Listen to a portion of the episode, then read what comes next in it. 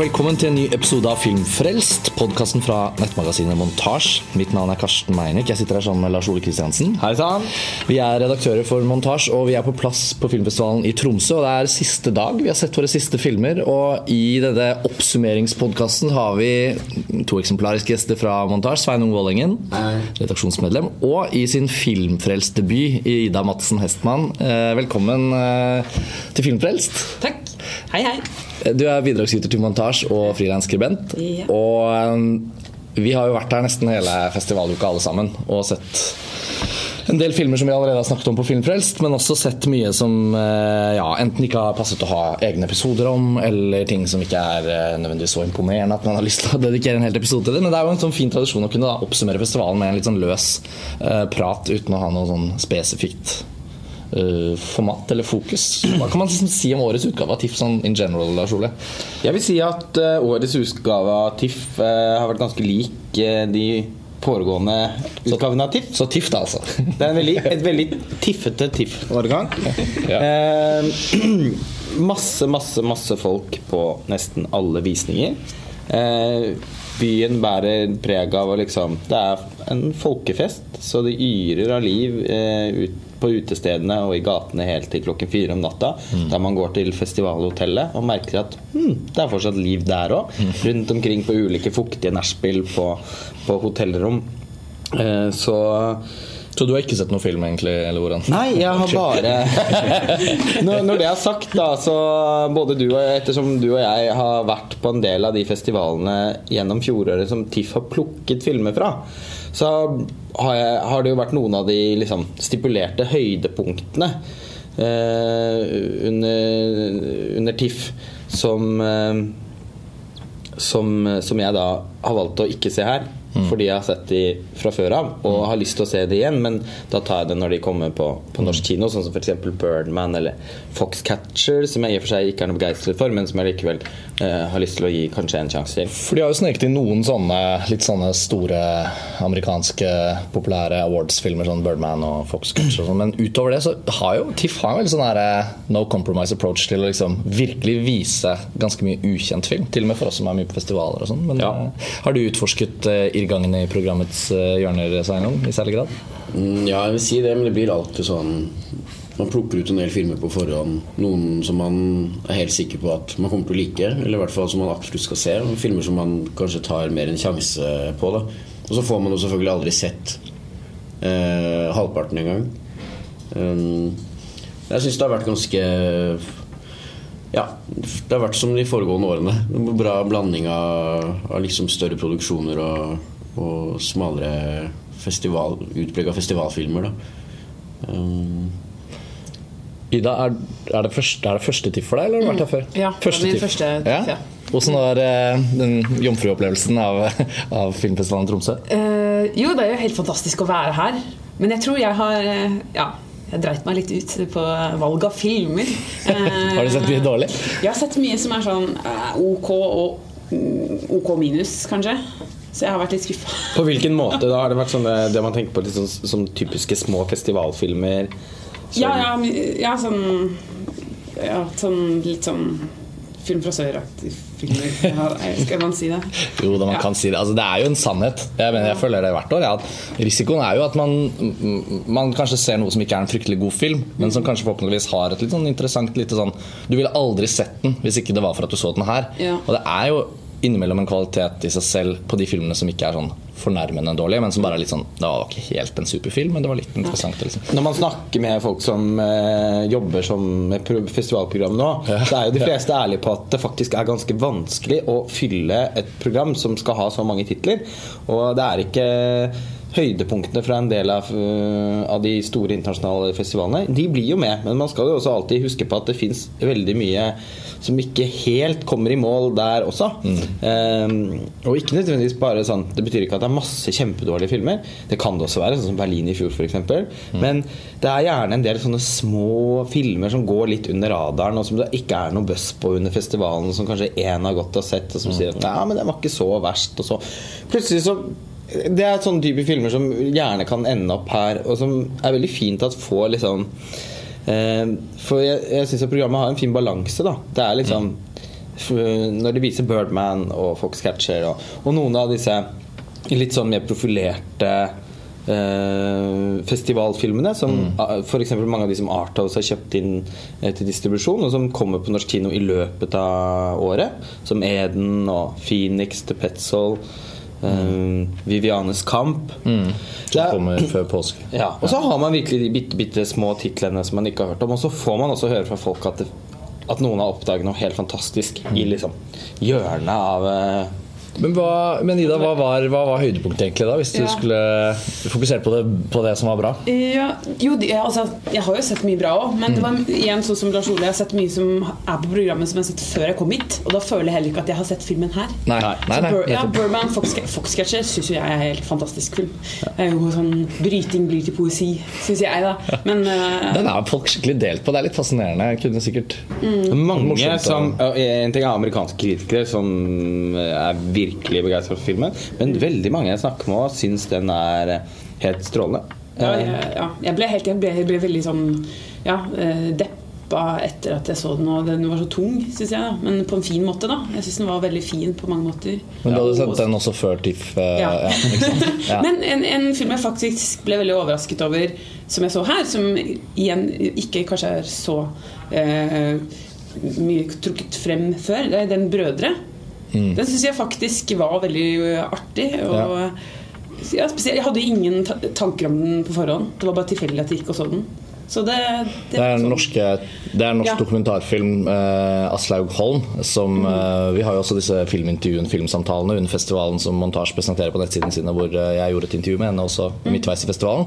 Og det er jo en veldig spennende film. Eh, den kommer vel på kino i Norge i, også i mars, tror jeg, litt før påske. Men den hadde faktisk da urpremiere her i Tromsø. Så, det, så den har det vært snakk om bare fordi hun har holdt på med den i så mange år. Ja. Jeg tror hun begynte å filme disse sønnene sine for Ja. nesten ti år siden. Ja, ja. Den, den norske boyhood. Ja, dokumentarversjonen av Boyhood. Men var det, var, følte du det var en av de som, som var mest sånn Nei, positive overraskelser?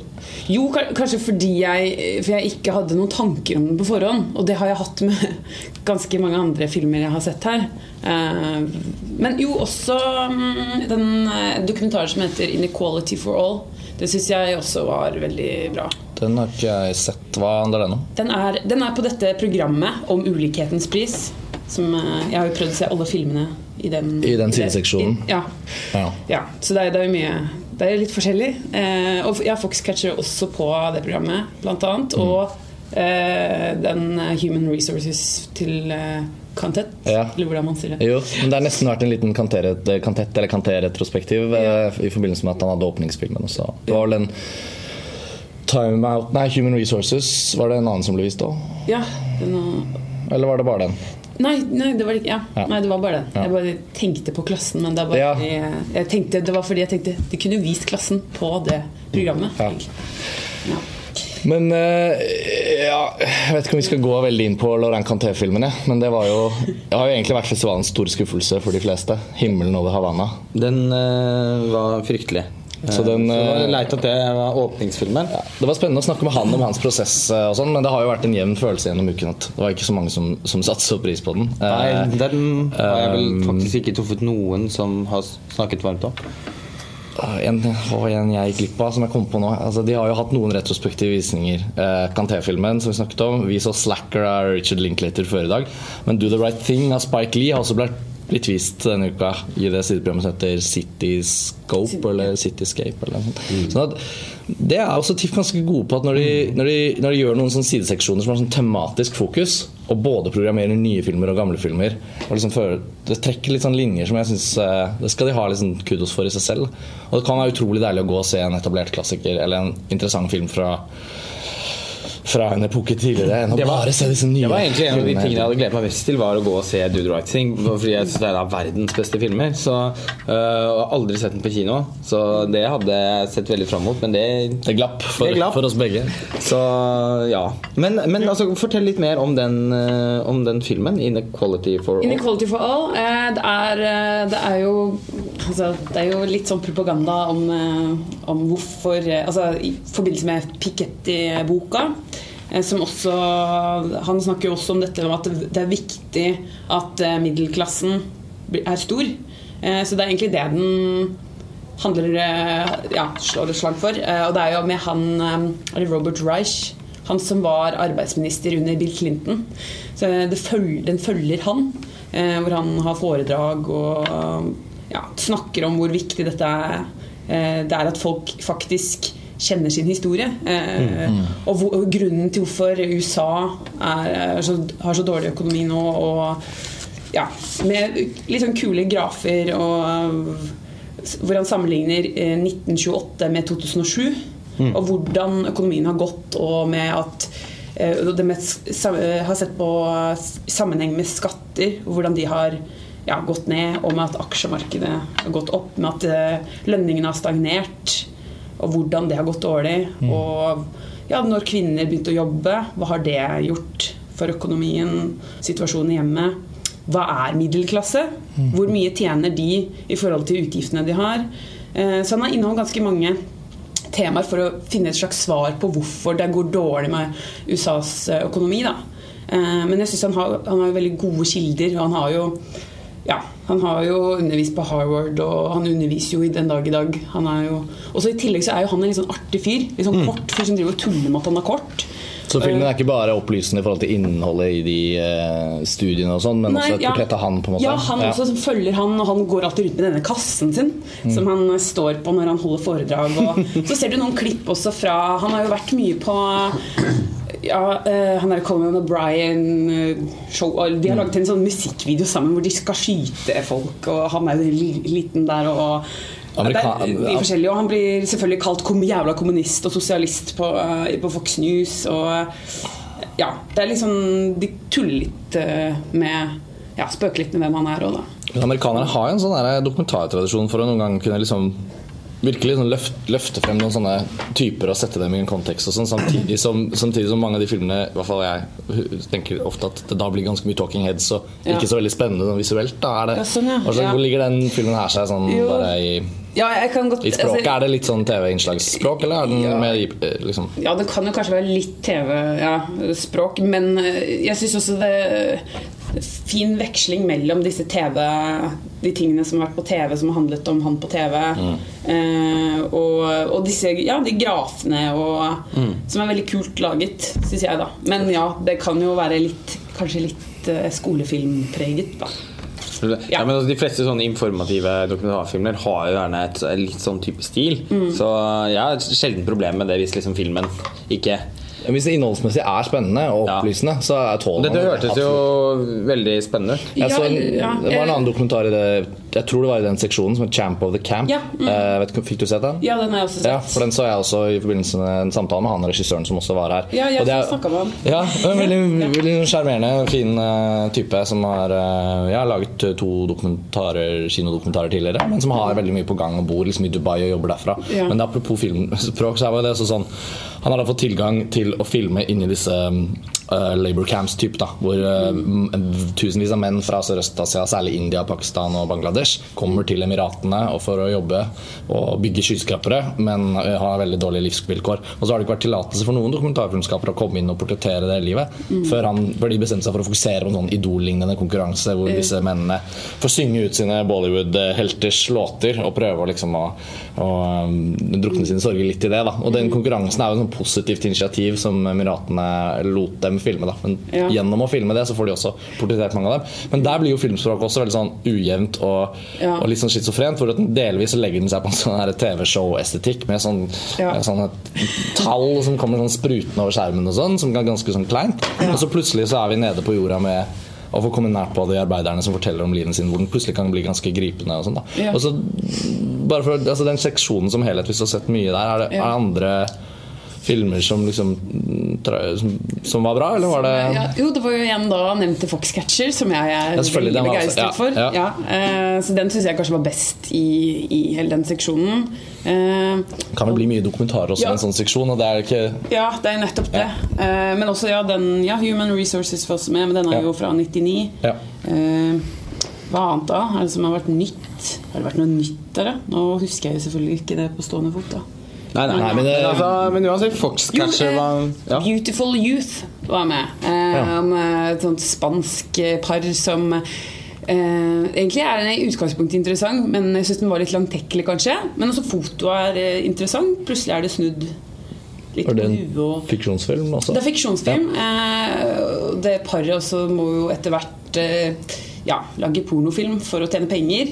Okay. Eh, så ja. Og det er liksom kontemporært portrett av den spanske øh, sp- Spanjolenes del av finanskrisen, på en måte? Ja, litt. Ja. Og, det der med at eh, de ser jo ut som deg og meg, holdt på å eller de ser jo ut som de har helt god, grei økonomi. De studerer, de eh, han gutten og hun jenta, og moren til han gutten er ufør. Eh, og moren til jenta maser på at de må, de må ikke droppe ut av skolen, for da får de jo ikke jobb.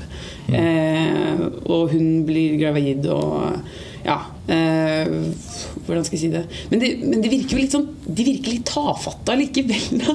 For å, for å være en sånn På tross av innsatsen. ja, ja, eller ja, litt kjipe Ja, jeg vet ikke, men de, de prøver jo hele tiden å skaffe seg jobb og sånn, og dropper ut av skolen begge to. Så det, du, du kan jo liksom si at å, deres framtid blir jo på en måte satt eh, Ja, og det er vel det mye av de der fiksjonsfilmene på, i det programmet handler jo mye om dette at ja, fremtiden din er på en måte bestemt. Det er bare utdanning nesten som kan gjøre noe med klasseforskjeller eller og økonomiske forskjeller. Da. Eneste faren med sånne sideprogrammer med tematisk fokus er jo at hvis man, hvis man havner veldig liksom inn den, ned den linja, så kan det jo bli veldig mye repetisjoner av mange av de lignende temaene. Ja. Så Hadde du noen sånne seksjoner i år som du fulgte, Sveinung, eller så du litt film fra overalt? Jeg så film fra overalt, egentlig. Jeg har alltid prøvd å få med minst én sånn eh, temafilm. Ja. Temadokumentar. Var det en, øh, som, var det en som stakk seg ut i år? Ja, faktisk hadde jeg veldig lyst til å se den Inequality for All, da, men så ble det ikke til det. Um, så jeg fikk ikke sett uh, en eneste av de uh, uh, ja, den type dokumentarer som ofte vises på TIFF uh, i år. Um, og jeg fikk heller ikke sett noen av de eldre filmene som ble vist. Men jeg, men jeg beit meg merke at det var veldig gode filmer eh, der i år. da Altså Do the Right Thing, Slacker, som jeg liker, og True Stories, som jeg ble veldig overraska over man plukka, med han eh, David eh, Byrne fra Talking Heads-bandet, som eh, har regissert og laget en veldig merkelig sånn forstadsskildring fra USA. da Eller litt sånn bort eh, Eller altså en litt glemt film eh, som jeg veldig gjerne skulle sett på kino, eh, men som jeg uansett har sett før. Så jeg, jeg håper at mange fikk sett den og hadde et bra møte med den. da Ja. Det fyller seg jo helt mirakuløst nok opp på disse visningene her i Tromsø. Eh, altså Jeg har nesten ikke vært på én film hvor det har vært sånn synlig mange tomme seter. Nei. Eh, noen visninger så er det ett og annet sete som ikke blir fylt, men for det meste så er det jo packed. Så, men hva var, hva hadde du, var det en film som liksom er den beste du har sett på TIFF i år? Kan ja, det, er det, det er for deg? Uh, jeg må si Det her er vel egentlig det første året uh, I hvert fall på lang tid hvor jeg liksom ikke har sett noe sånn skikkelig elendig. Uh, så det er jo en bragd i seg selv eh, for en festival. Men det handler jo litt om at jeg kanskje har gjort de riktige valgene også. At det har det vist seg, da. Eh, Men eh, den beste jeg har sett, eh, det må bli It Follows, som jo da kommer på norsk kino etter hvert. Mm. Men vi har ikke snakket om noe særlig på Filmfrelst ennå. Litt i Kan-podkasten vår, tror jeg. Kom- Ja, ja så vidt kanskje ikke. Det var, men den hadde det, Jeg skrev en omtale av den, og da Ja, tror jeg det ble nettopp. sånn at vi nedprioriterte den. Eh, Det skader jo ikke å snakke litt om It Follows. Jeg jo, vi har jo begge da sett den i Cannes tidligere, altså i fjor. Og vi så den jo ikke nå på TIFF, eh, dessverre, egentlig. For jeg hadde dritlyst til å se den igjen. Men den er det jo ingen som ikke liker. Den har jo virkelig eh, bredt om seg. Eh, horrorfilm. Skal vi si noe om plott? Er sånn Carpenter-aktig Hva skal Ja. vi si om plottet, da?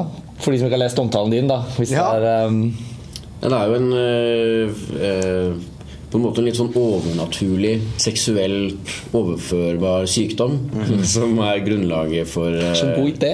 ja. Enormt god idé. Ja. Veldig dog også, på en måte også sånn konvensjonelt i forhold til eh, Altså, det fins en tradisjon for det i horrorfilmer. da At kjønnssykdom, altså litt sånn post-aids-horrorfilmer og sånn, har, den, den har veldig tydelig slektskap med, med horrorfilmer fra 70-, spesielt 80-tallet. Ja. Og John Carpenter blir jo da en veldig naturlig referanse å, å nevne. Og, Ja, jeg likte veldig godt både hvordan dette premisset for filmen og eh, estetikken var veldig inspirert av ja, spesielt sånn 80-talls eh, horror.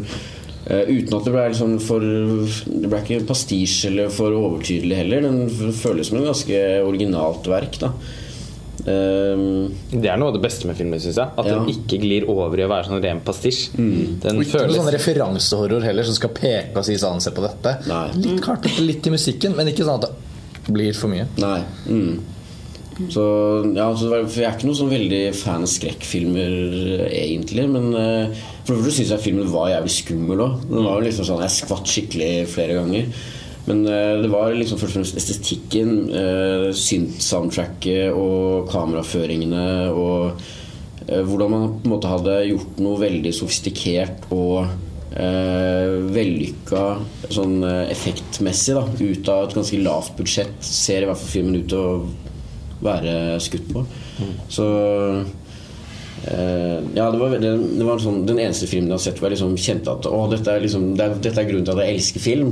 Er, dette er det jeg vil se. Når det bruser i blodet litt Ja, eh, Men det er jo sånn, jeg husker jeg så, jeg så er eneste filmen Litt også fordi det ble mulig. Fordi hver, hver eneste visning Kan koste koster jo en del. Av, det koster, du må stå en del i kø, og du vet ikke engang om du kommer inn. Eh, så du må liksom Enhver film som prioriteres det Det tar egentlig, en det tar egentlig fire-fem timer å se en film i Cannes. Det kan i hvert fall ta så lang tid. Eh, og da blir det også litt at da velger du bort noe. Og det er sjelden man gjør det å, underveis der for å se en film to ganger. Men det gjorde jeg med Itfold også i fjor. Eh, fordi den var jeg så sulten på å se en gang til dagen etterpå. At nei, det, det må bare skje. Den var jo ja, Men eh, jeg tenker at denne filmen kommer vi nok vende enda mer tilbake til når den kommer på kino. Absolutt. Den kommer på kino i mars. Absolutt. Eh, veldig glad for at den får norsk kinodistribusjon. Jeg tenker også at Foxcatcher er en film jeg syns hadde vært spennende for oss å ha en podkast om. Enig. Eh, fordi Folk er så uenige. ja, altså, sånn, altså jeg tenker at du, vi som sitter her, og noen av de andre i, av bidragsyterne våre også, som jeg vet har ulike og sterke meninger om den filmen, bør jo møtes litt til kamp. Ja, definitivt. Da må kanskje du og jeg se den om igjen, dessverre. Jeg hadde, Det er det jeg hadde du liksom hadde håpet helt, jeg hadde, Foxcatcher kan jeg jo da bare si at det ikke var Det var ikke helt min film. Eh, Så jeg syns, eh, jeg syns det er en litt lang Litt oppoverbakke å se den en gang til. Men hvis det blir en sånn spesialepisode på Filmfrelst hvor vi virkelig tar den, så skal jeg gjøre den. Ja, jeg føler, jeg, jeg føler faktisk litt at jeg har litt lyst til å se den igjen. Bare fordi eh, jeg, jeg, Selv om det rimer veldig lite overens med min eh, opplevelse av filmen da jeg så den i Cannes, så syns jeg jo det er ganske mange Jeg har hørt ganske mange overbevisende argumenter for hva som gjør filmen interessant. Altså Hvordan den som en sånn klassisk amerikansk fortelling og tragedie har en resonans som, som jeg ikke følte på. Uh, og så tror jeg nok alltid at jeg vil ha veldig store problemer med det eh, Løsnesoramaet. Oh, ja. eh, med gebissene og løsnes. Okay. Så det, det, ble mange lag med lateks. Oh, ja. For meg var Clint Eastwoods J. Edgar Hoover var den nærmeste referansen. Og det var utelukkende pga. dårlig sminke, eh, som tok meg veldig ut av det hele. Men, eh, men før vi plutselig er i gang med Foxcatcher Ja, nå ble det men, Dette ble feil. men den er jo åpenbart en del av oppsummeringen fra Tromsø. Det var en viktig film for deg, Ida, og, og den er mange som har vært snakket om. Det har vært snakket om her. Eh, en annen film, bare for å kaste det inn, um, som også ble vist i Cannes, men som ikke vi så den gang, og som nå har vært vist i Tromsø, som jeg vet ikke om du har sett den, men i hvert fall vi tre har sett den, er den israelske filmen 'Vivianes kamp'. Ja. Som kommer på norske kinoer. Og Den kan det jo være fint å gå litt inn på, i hvert fall, for den var en veldig spesiell film. Ja, den har aldri vært sett. Ja. Ja, Uh, Den israelske, eller originaltittelen er GET, G-E-T-T, som åpenbart er da et hebraisk begrep eller et israelsk begrep for en type skilsmisse som du kan få. Og jeg tror det knytter seg til religion. Ja, til kors. Uh, ja, jeg, bare velger å ikke beskrive det, for jeg har ikke satt meg nøyere inn i det. Men det er i hvert fall det originaltittelen spiller på. Men undertittelen er jo også liksom 'The Struggle of Viviane to get her divorced'. Bla, bla. Så den norske tittelen er 'Vivianes kamp'. Uh, og filmen utspiller seg i sin helhet i et litt sånn uh, uspennende anlagt israelsk rettssalsrom. Ikke sånn helt en stor rettssal heller, men mer et sånt siderom hvor de tar seg av sånn nisjerettssaker som bare dreier seg om ekteskap som skal få bli skilsmisse eller ikke. Hva syns du om Sveinung? Jeg- Eh, bare det rommet, så er det morsomt du nevnte For det ser nesten ut som at de har liksom kommet dit og så bare spurt noen, av, noen som jobber der og sånn, Har dere et ledig rom? Ja, og så Ja, skal vi se Ja, her tror jeg det er ledig. Det er egentlig et lager, men nå er det ingenting der. Dere kan bare Nå, er det, nå blir det opp til fantasien til lytterne våre, men det er egentlig litt sånn et rom som vi sitter i nå. Ja, sånn, veldig et klaustrofobisk. sånn konferanserom på et hotell som er sånn Ja, Ja. her er det vel ingen personlighet av noen grad. Skal vi lage film her? Ja.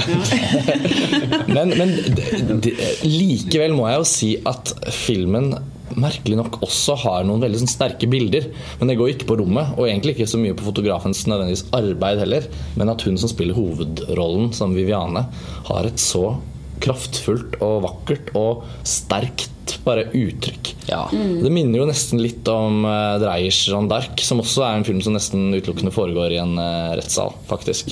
Kommer jeg plutselig på nå. Eh, Altså, Hennes tilstedeværelse i filmen Hun klarte jeg ikke å rive øynene mine fra. Jeg synes jeg hadde en du hadde vidt ikke muligheten heller, men Nei, men hun hadde en veldig voldsom utstråling. Og jeg Ja. syns faktisk at selv om filmen eh, nesten utelukkende eh, utspiller seg i det samme rommet eh, den er veldig repeterende. Det er veldig mange av de samme situasjonene som diskuteres gjennom igjen og igjen og igjen. og igjen Det er da nødvendigvis en veldig dialogtung film. Det er nesten alle rettssalsdramaer, så det er ikke unikt for denne filmen. Men, eh, men den er spesielt klaustrofobisk og, eh, og kompakt. sånn det, det, er liksom, det er ikke noe, noe luft i filmen, men jeg syns også iscenesettelsen, selv om den er veldig veldig sparsommelig, var veldig elegant gjort. Det bare nesten er hvitt og svart eh, i interiørene. Og når hun plutselig dukker opp i en sånn rød cardigan, f.eks. Eller røde lakka Negler. Ja, Ja. det, det, liksom, det var veldig effektfullt. Det, det var, og det var sånn hviskninger og rop rødt òg. Det var sånn da, Så den hadde faktisk noen visuelle kvaliteter som jeg ble eh, positivt overrasket over. Når det er sagt, så syns jeg filmen Jeg syns det er en god film, eh, men jeg Eh, Men jeg hadde satt pris på dialogen. Eh, Etter min smak så kunne den tillatt seg å ha vært litt mer litterær, rett og slett. Altså, eh, den, kunne vært ladet med, med mening som går litt forbi eh, rettssaksprotokollen. For Når vi har beskrevet dette som en rettssaksfilm som utelukkende forholder seg til en rettssal, og bla, bla, bla, så er jo det én ting. Og det kan man nå sikkert øh, billedlig forestille seg med disse øh, uinteressante veggene og hvite flatene og sånn. Men som du sier, Lars Ole, språkets estetikk også, har lagt seg på protokollinja. Ja. Jeg følte det rett etter filmen. Jeg tenkte sånn Dette er, øh, det er vanskelig å forstå dette som en ren fiksjon. Det føles som en, en slags ikke-adaptert adaptasjon av, proto, av protokollførte eh, rettssalsforhør, på en måte. For det er noe med at måten de snakker altså sånn, Også sånn den tidvise litt sånn mitraljøsaktige pingpongen mellom dommere som sier til advokater at du får ikke si det sånn, og, og, og, og også med mye sånn overdreven sånne sikkert da eh, religiøst ladede høflighetsfraser som føles sånn Nei, nå må dere slutte å kalle hverandre den, her, den ærede eh, Shlomsat rabbi, sønn av du som, og, som er så flott, som skal også sies å være sånn, og nå må jeg få stille deg et spørsmål, så vis om at det dersom at at var du der da.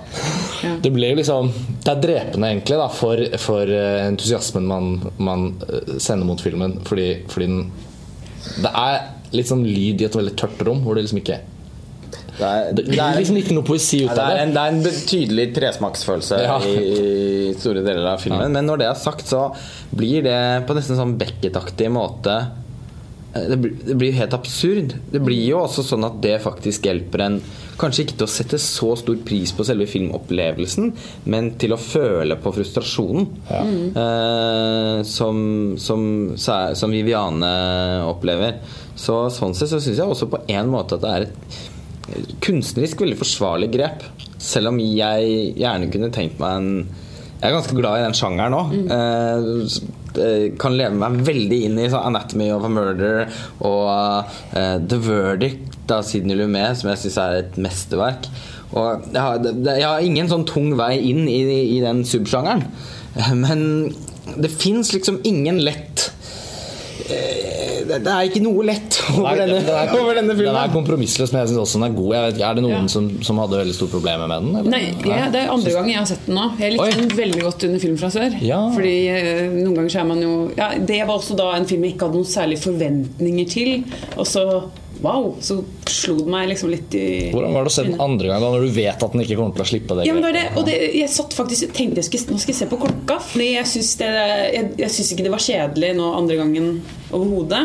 Og så så jeg oi, shit, det har snart gått to timer, ja. Mm. Eh, så jeg ble igjen revet med. Eh, og hva er det jeg tenkte på? Jo, jeg syns humoren er veldig bra. Eh, det at eh, de blir sånn kari eh, karikaturer av seg selv, disse rabbinerne som sitter der og For de var ikke så umorsomme. og han lille fyren som sitter og taster på dette tastaturet ved siden av han lille, lille fyren. Ja, ja, ja. Ja. Så det, nei, ja. nei, jeg syns den fortsatt er morsom, men jeg er også enig med det du sier, Lars Ole, om eh, ja, at det ja, Og i hvert fall når hun skriker også 'Dette er ikke Når hun blir frustrert og sint, så er det så veldig rett fram, eller hvordan man skal si det. Det er en film som, som et rettsstatsdrama som eh, Den liksom tar utgangspunkt i frustrasjonen. Det er, Mm. for jeg, jeg er egentlig ikke så fan av den sjangeren. Eh, altså sånn rettssalsfilm. Eh, men jeg er veldig vant til at da noe av poenget da for å liksom gjøre filmen engasjerende skal jo være at man bruker de karakterene i rommet, og så blir man mer og mer kjent med de gjennom rettssaken og sånn. Og det gjorde man jo ikke i denne filmen i særlig høy grad. Man får ikke vite så veldig mye om hva som egentlig var problemet i det ekteskapet. Det er Syns du liksom- ikke det? Jeg syns jo det er nettopp det at vi føler du får, I starten så skjønner du ikke helt hva som har vært gærent. Jeg synes jo heller at Etter hvert så kommer det jo mer og mer fram om hvor passiv-aggressiv han mannen er. Ja, man får, man får ikke så mye eksempler, eh, føler jeg. Det handler mer om at hun Men det er jo hele, altså det som er hele poenget med filmen, at hun har følt seg ufri til tross for at eh, alt har ligget til rette for at dette ekteskapet skal være, så flott. Og sånn Og så er det vanskelig å, å argumentere for, da. Ehm, så det er på en måte styrken og- i den filmen, og det som gjør den litt original også, som et sånn rettssalsdrama. Men jeg syns også at det ble litt det, det er, den er frustrerende å se nettopp pga. det også. Men, men eh, jeg likte også filmen kjempegodt. Eh, Jeg gjorde det. Og syntes at den var engasjerende hele tiden. Selv om jeg satt hele tiden og venta på Hvorfor kan dere ikke bare snakke litt mer, litt mer ordentlig sammen? Ja, Liksom, altså, er- Man blir jo forbanna, man blir forbanna på menneskene i filmen. Og systemet der. er jo- Og til og med henne, som man har ekstrem sympati for, selvfølgelig. Og det er jo filmen lagt opp til å liksom lede oss inn dit. Men også hun har på en måte en slags sånn da stolthet som gjør at hun vil liksom ikke da heller gjøre det lett. Ja, for Dynamikken i kommunikasjonssvikten mellom det ekteparet Den blir jeg ikke helt klok på. Nei. Nei, det, Det, men det kan man sitte og fantasere om hvordan er det de har det hjemme. Ja. Over mange år, da. Fordi rettssaken tar jo fem år, eller hva det er. Om ikke enda lenger. ja, det er vel litt, enda litt lenger, ja. Eh, Så sitter jeg Ja. For hver gang det kommer opp sånn ny to måneder senere eller, Ja, Filmen er jo nesten strukturert på den måten, Ja, fordi den bare foregår når de er der. Men det er jo helt åpenbart at de får ikke komme til rettssalen uh, hele tiden, for det ble utsettelser, og han vil ikke møte opp og sånn. Så hvor, jeg vet ikke hvor mange ganger det kapitlet går igjen. Til tross for at det er i hvert fall uendelig mange ganger, så satt jo publikum i salen og eh, Det var alltid noen som sa sånn Åh, Ja. Da blir, men, det er litt, men det er litt sånn stakkars henne-sukk.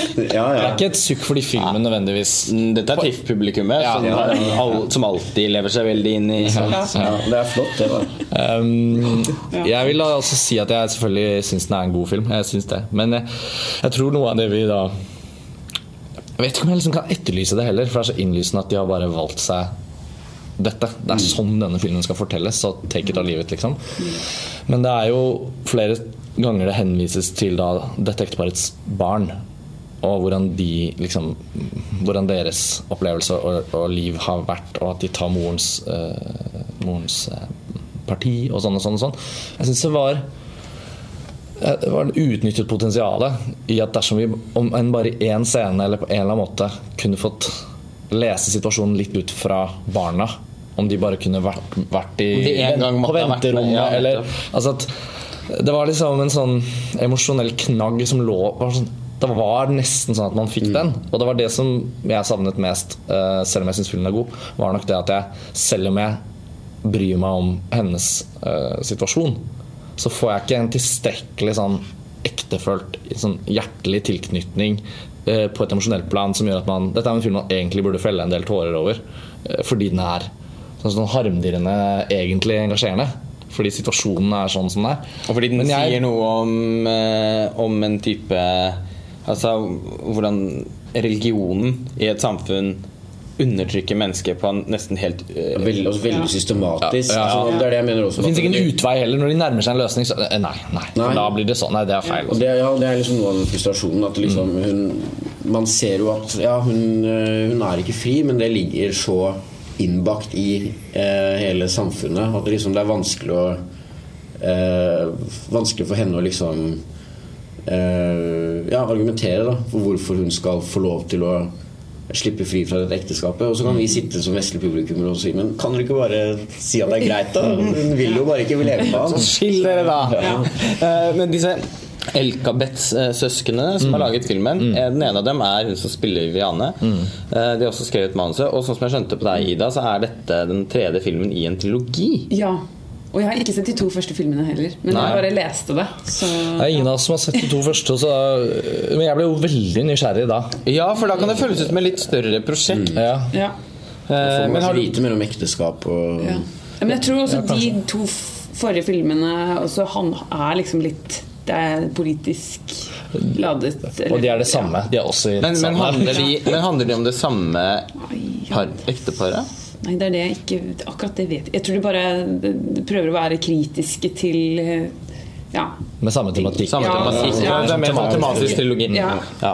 Nei, men da kan jo vi og, Ja, og vi, spennende vi får google i vei. Og, og Absolutt, og det er spennende å, å, å bli kjent med Elkabets-søsknene. Eh, jeg må bare hoppe til en annen ting. Snart, før man vet ordet, Ja. lager de sin The Matrix. Ja, ja, ja. Nei, men jeg har hørt at, en annen jeg har hørt at Wachowski og El- Elkabets-søsknene skal samarbeide på en. av Ja, Cloud Atlas 2, for de samarbeider med Tom Tykver på den første, og det er morsomt å være fire. Ja, det, men det er også en sånn rettssalsfilm satt til Matrix-universet, hvor det bare er Morpheus. Sånn, nei. Viviani. Nei, ok. Ja. Før vi tuller det bort. eh, Jeg må også si en siste ting som er eh, eh, ja, en merkelig kvalitet å trekke fram. Men jeg syns denne filmen etablerer tonen sin på en utrolig bra måte med de beste fortekstene jeg har sett på veldig, veldig lenge. ja. Veldig renskåret idé, men det var jævlig bra. Det var altså så bra. Eh, musikken, eh, en sånn hviskning av roprød eh, bakgrunn, svarte, litt sånn harde hebraiske fonter som ja, Litt merkelig, selvfølgelig, å tillegge det så mye, men jeg syns det Men det er deilig når en film bare starter flott. med en sånn Ja. Wow-følelse, bare på fortekstplanet. Da. Um, jeg tenkte vi skulle hoppe videre til noen andre filmer før vi avslutter, bare for å få snakket om et par til. Uh, da kan jeg, uh, for jeg tror jeg er den eneste som har sett den, snakke om en film som har en, en antifortekstsekvens, uh, men som etter hvert åpner seg litt mer opp. Jeg så den kinesiske filmen 'Black Coal Thin Ice'. Og den gikk jeg glipp av da i fjor, eh, åpenbart dere også. Da, selv om dere var på Berlinalen. Så eh, gikk ja, Jeg har aldri opplevd å se Gullbjørnvinneren. jeg. for den vant jo Gullbjørnen, og, og det, er jo, det er jo eh, en slags sånn løpende, løpende ironi for vår del. At I Berlin, uansett hvor godt man prøver, så ender man egentlig aldri opp med å se Gullbjørnvinneren. Fordi Gullbjørnen, Gullbjørnen går alltid til et eller annet annet. Sikkert ikke i år heller, men eh, Ja, men i hvert fall Black Hole Thin Ice den, den, Man blir jo litt nysgjerrig på å ha sett Gullbjørnvinneren. da Og så så jeg at det liksom var en eh, slags sånn politikrimfortelling. Så tenkte jeg sånn, ja, den er litt sånn hypp på å få sett. Og det fikk jeg faktisk gjort. Eh, Den starter dog med fortekster som er sånn Ikke noe musikk, ikke noe sånn design. Bare sånn Times New Roman i hvitt midt på en sånn sort flate. Og ikke, ikke, noe, ikke noe lyd, ikke noen noen ting. Og så innmari langt. Så sånn publikum sitter sånn i to minutter helt stille, og det er sånn Script supervisor, sanction, production manager. Og fortsette og fortsette. Og så, og så begynte filmen. Så det var ikke en sånn kickass-start. Men jeg syns filmen faktisk var eh, Jeg synes filmen var veldig bra. Eh, Jeg må si det. Um, altså eh, Kinesisk kinesisk film er noe jeg ikke helt får helt grep om. Tidvis så virker det som de bare lager sånne gigantiske kung fu action eh, monsterfilmer. ja, Eller så er det Chang Yimou sine ja, nettopp alt det der maset. Det har jeg på en måte Jeg, fikk, jeg, jeg likte jo heller ikke Hero. Liksom. Jeg likte egentlig bare 'Snikende tiger skjult dager', så var jeg ferdig med det. Ja, og Hero synes- er jo utrolig bra. Da. ja, da, ja, men det var ikke helt for meg. Men jeg burde kanskje sett den igjen. Men, men i andre enden så har man da disse Yajanke og disse liksom går helt over i art cinema. Så liksom virkelig liksom bare tyner minimalismen for alt den er verdt, og symbolikk og hvem Som vet. har sånn altså sånn, Som har politisk prosjekt med filmskapingen sin. Ja. Denne la seg liksom litt imellom, og det hadde jeg litt sansen for.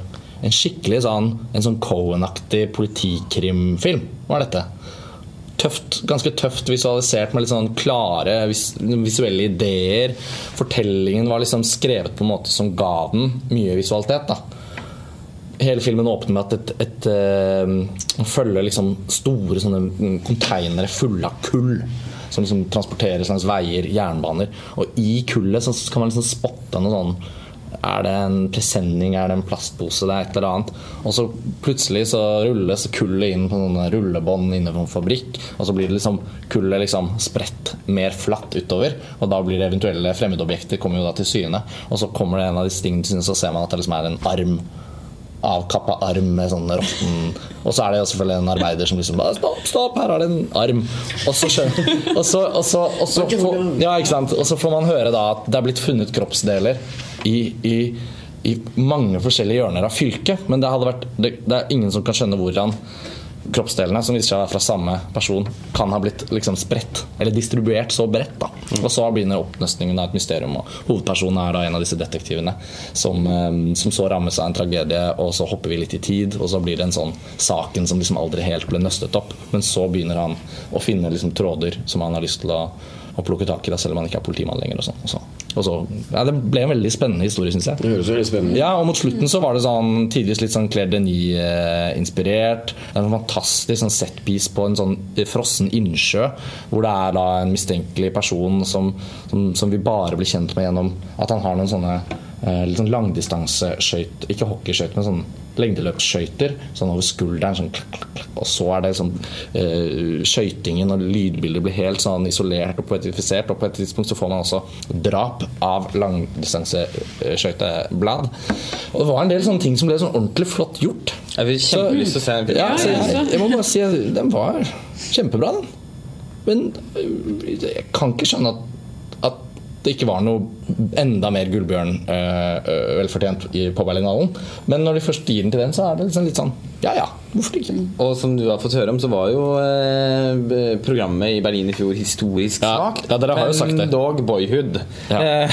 de hadde jo en mulighet til å kunne få, sin, få en sånn en klassiker ja, ja, til å vinne Gullbjørn. Men, men de fikk jo regi Sølvbjørn for regi, og, og, og, med James Shamer som jurypresident. Ja, apropos snikende T-skjorter. Ja, som har en særlig interesse for asiatisk film, så var jo ikke det overraskende. Og morsom, hyggelig på en måte å høre at den, at den er så god, da. Ja, jeg ble, sånn, jeg ble rett og slett litt sånn uh, positivt overrasket og litt sånn glad for at den, den var bra. Da kjente jeg sånn Ja, så, så, perfekt at den var bra. Regissøren heter Diao Yinan. Ubeskrevet blad for meg, men uh, godt å vite hvert fall at det fins filmskapere som jobber på det nivået i noe som ikke er super-action kung fu eller sånn art cinema, men som begynner seg et sted imellom. Så det var en uh, film jeg følte jeg måtte få legge fram litt. Uh, jeg vet ikke, Vi skal kanskje også oppsummere litt. Eh, altså selve denne episoden. Kan ikke gå for lenge. Vi skal fly hjem til Oslo alle sammen. Eh, er det noen siste filmer dere har lyst til å liksom trekke fram, som, som, ikke vi har fått, fått diskutert? Russiske det, Leviatan. Ja. Som, uh, den kommer jo på norske kinoer eh, snart. Ja. ja. Hvordan var den? Vi har ikke sett den. Jeg, Nei, Lars Ole, du, har du sett den? Selv? Nei. Nei? Det, altså, det, det, jeg hadde jo litt forhåpninger. for at eh, man Å, den skal være så bra og, og samfunnskritisk eller regimekritisk, eller hva man sier. Mm. Men uh, jeg syns den var veldig, altså, veldig fin.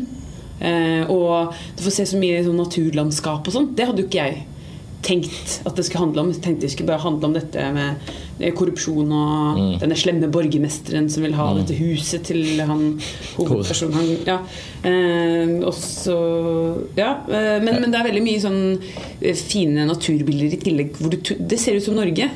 Så jeg, mm. jeg, tenker Derfor vil flere nordmenn like den filmen. Fordi den ser ut som Norge? Ja, men alle nordmenn elsker å se natur på film. Ja, men jeg tror denne kommer til å være ganske populær. Fordi ja. nå er den jo blitt Oscar-nominert og ja, ja. Globe-nominert en pris i Cannes. Kommer til å få god kritikk. Så Arta skal ha en visning av den hvor Hans-Wilhelm Steinfeld innleder.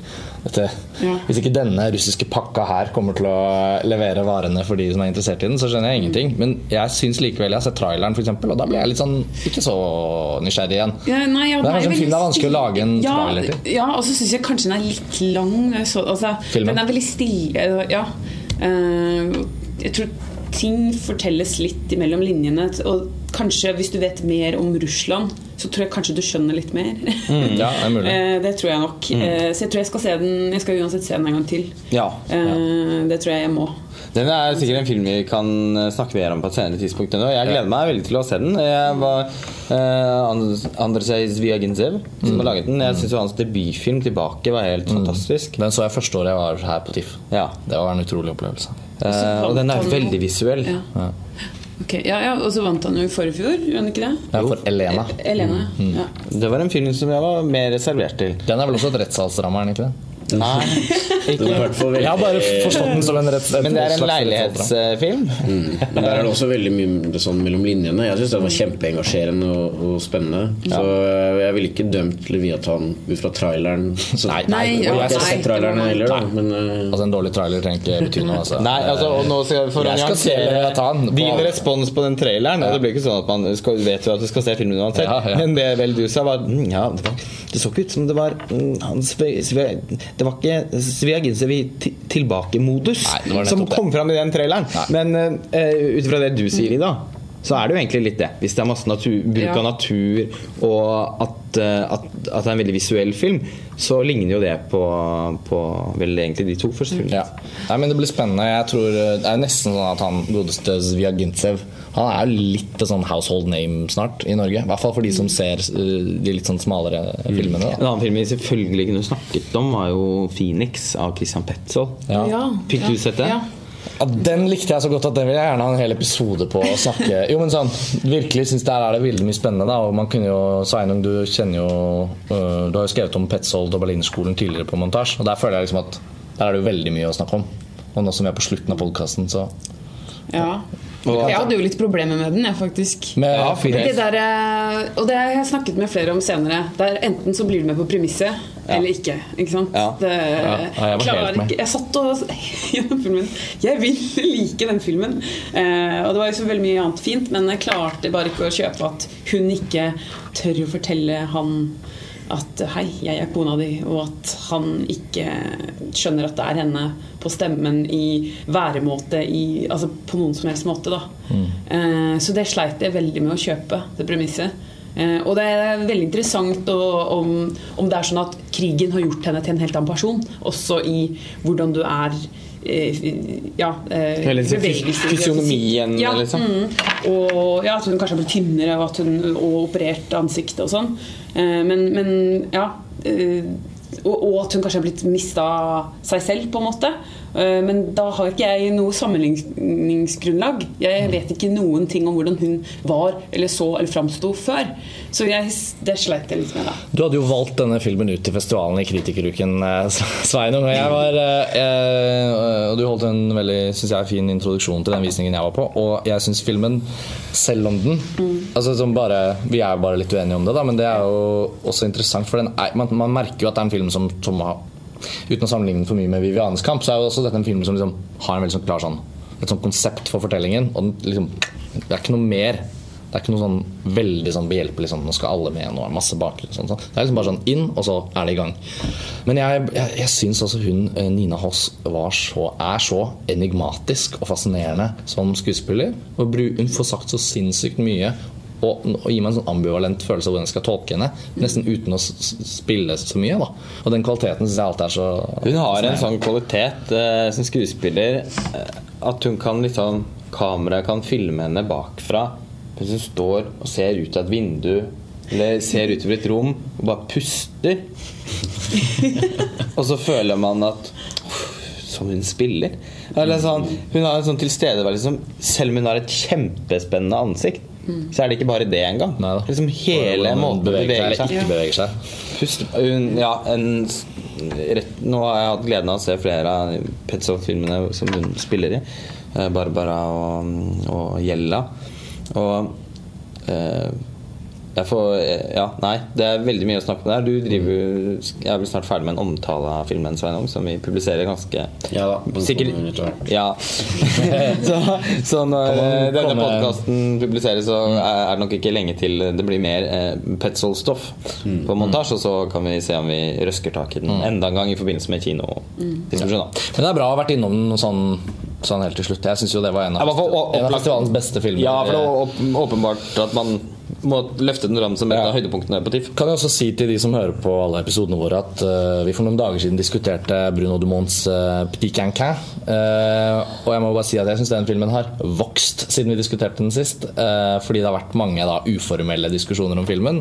Eh, alle er ikke helt eh, like enige, men, eh, den, men jeg syns ja. Jeg I takt med at den har vokst for enkelte, så har den vel nesten gått nedover for deg. Nei, altså, den har vokst som samtaleemne. Den har vokst som eh, kan hende du ser den igjen, eller? Nei, for det er akkurat det. Nei. Den har vokst som samtaleemne, men den har ikke vokst som film for meg. Jeg kommer aldri til å se den filmen igjen, Nei. akkurat som jeg sa i den podkasten. Ja, ja, ja. Eh, Men det har vært veldig mye diskusjoner om den filmen. Det har på en måte blitt litt Snakkisen. Årets snakkis. Ja. Den vant jo også de to av de, de hovedprisen, Aurora-prisen og Fipresci-prisen. Og er Johanne Gums favoritt. Er det også Jan Ja. Eggums favoritt, ja? Spurte han om Det det. er jo en, eh, det er jo en eh, saying at eh, du har ikke helt Filmfestivalen Tromsø er ikke helt i gang før du har sett Jan Eggum. Eh, så hvis du også har snakket med han i år, så har du fått en perfekt eh, TIFF-debut. Jeg tror vi må oppsummere, avslutte, fordi vi skal rekke et fly. Yes. Men eh, jeg føler vi fikk tatt en del av de små, småfilmene. Det er alltid sånn fint for å få, få en sånn closure med festivalen. Helt supert å ha deg om bord på Filmfrelst også, Ida. Du må komme tilbake igjen. Takk. Ja. Det er jeg veldig gjerne. Ja. Foxcatcher ja. Foxcatcher melder seg som neste, Melder seg. Neste Jeg anledning. mine- Ja, jeg gleder, jeg gleder meg til å høre. Og eh, holdt på å si, nå holdt jeg på å si at jeg gleder meg til å se filmen igjen. Det vet jeg ikke hva jeg gjør, men jeg er i hvert fall litt spent. Jeg gleder meg faktisk veldig til å se filmen. nå Jeg tror det er så mye forskjellig, for jeg har ikke sett den ennå. Men det skjer til uka, så da får vi se. Vi tar opp tråden når det kommer til Foxcatcher og andre ting eh, snarlig. Fox Ketchup. Fox Catch-up. Takk for at dere hører på Filmfrelst. Takk for at dere deltar i diskusjonene våre i kommentarfeltene. Og ja, takk for oss for denne gang. Takk. Ha det bra. Ha det.